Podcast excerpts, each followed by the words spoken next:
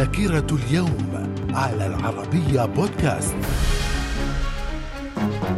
أهلا بكم ومن ذاكرة الثلاثين من أغسطس من العام 1914 القوات الألمانية تستولي على مدينة أميان الفرنسية وذلك أثناء الحرب العالمية الأولى. في العام 1916 الدولة العثمانية تعلن الحرب ضد رومانيا في الحرب العالمية الأولى. وفي العام 1918 الاشتراكية المتزمتة فانيا كابلان تقوم بمحاولة لاغتيال الرئيس والزعيم السوفيتي فلاديمير لينين وذلك لما رأته من خيانته للاشتراكية. من الذاكرة. في الثلاثين من أغسطس من عام 1928 إعلان تشكيل حزب الاستقلال الهندي. وفي العام 1946 القوات البريطانية تنسحب من سوريا ولبنان. في الثلاثين من أغسطس من العام 1981 انفجار في مبنى مجلس الوزراء الإيراني في طهران. يودي بحياة الرئيس محمد علي رجائي ورئيس الوزراء محمد جواد باهونار. وفي العام 1991 أذربيجان تعلن استقلالها عن الاتحاد السوفيتي.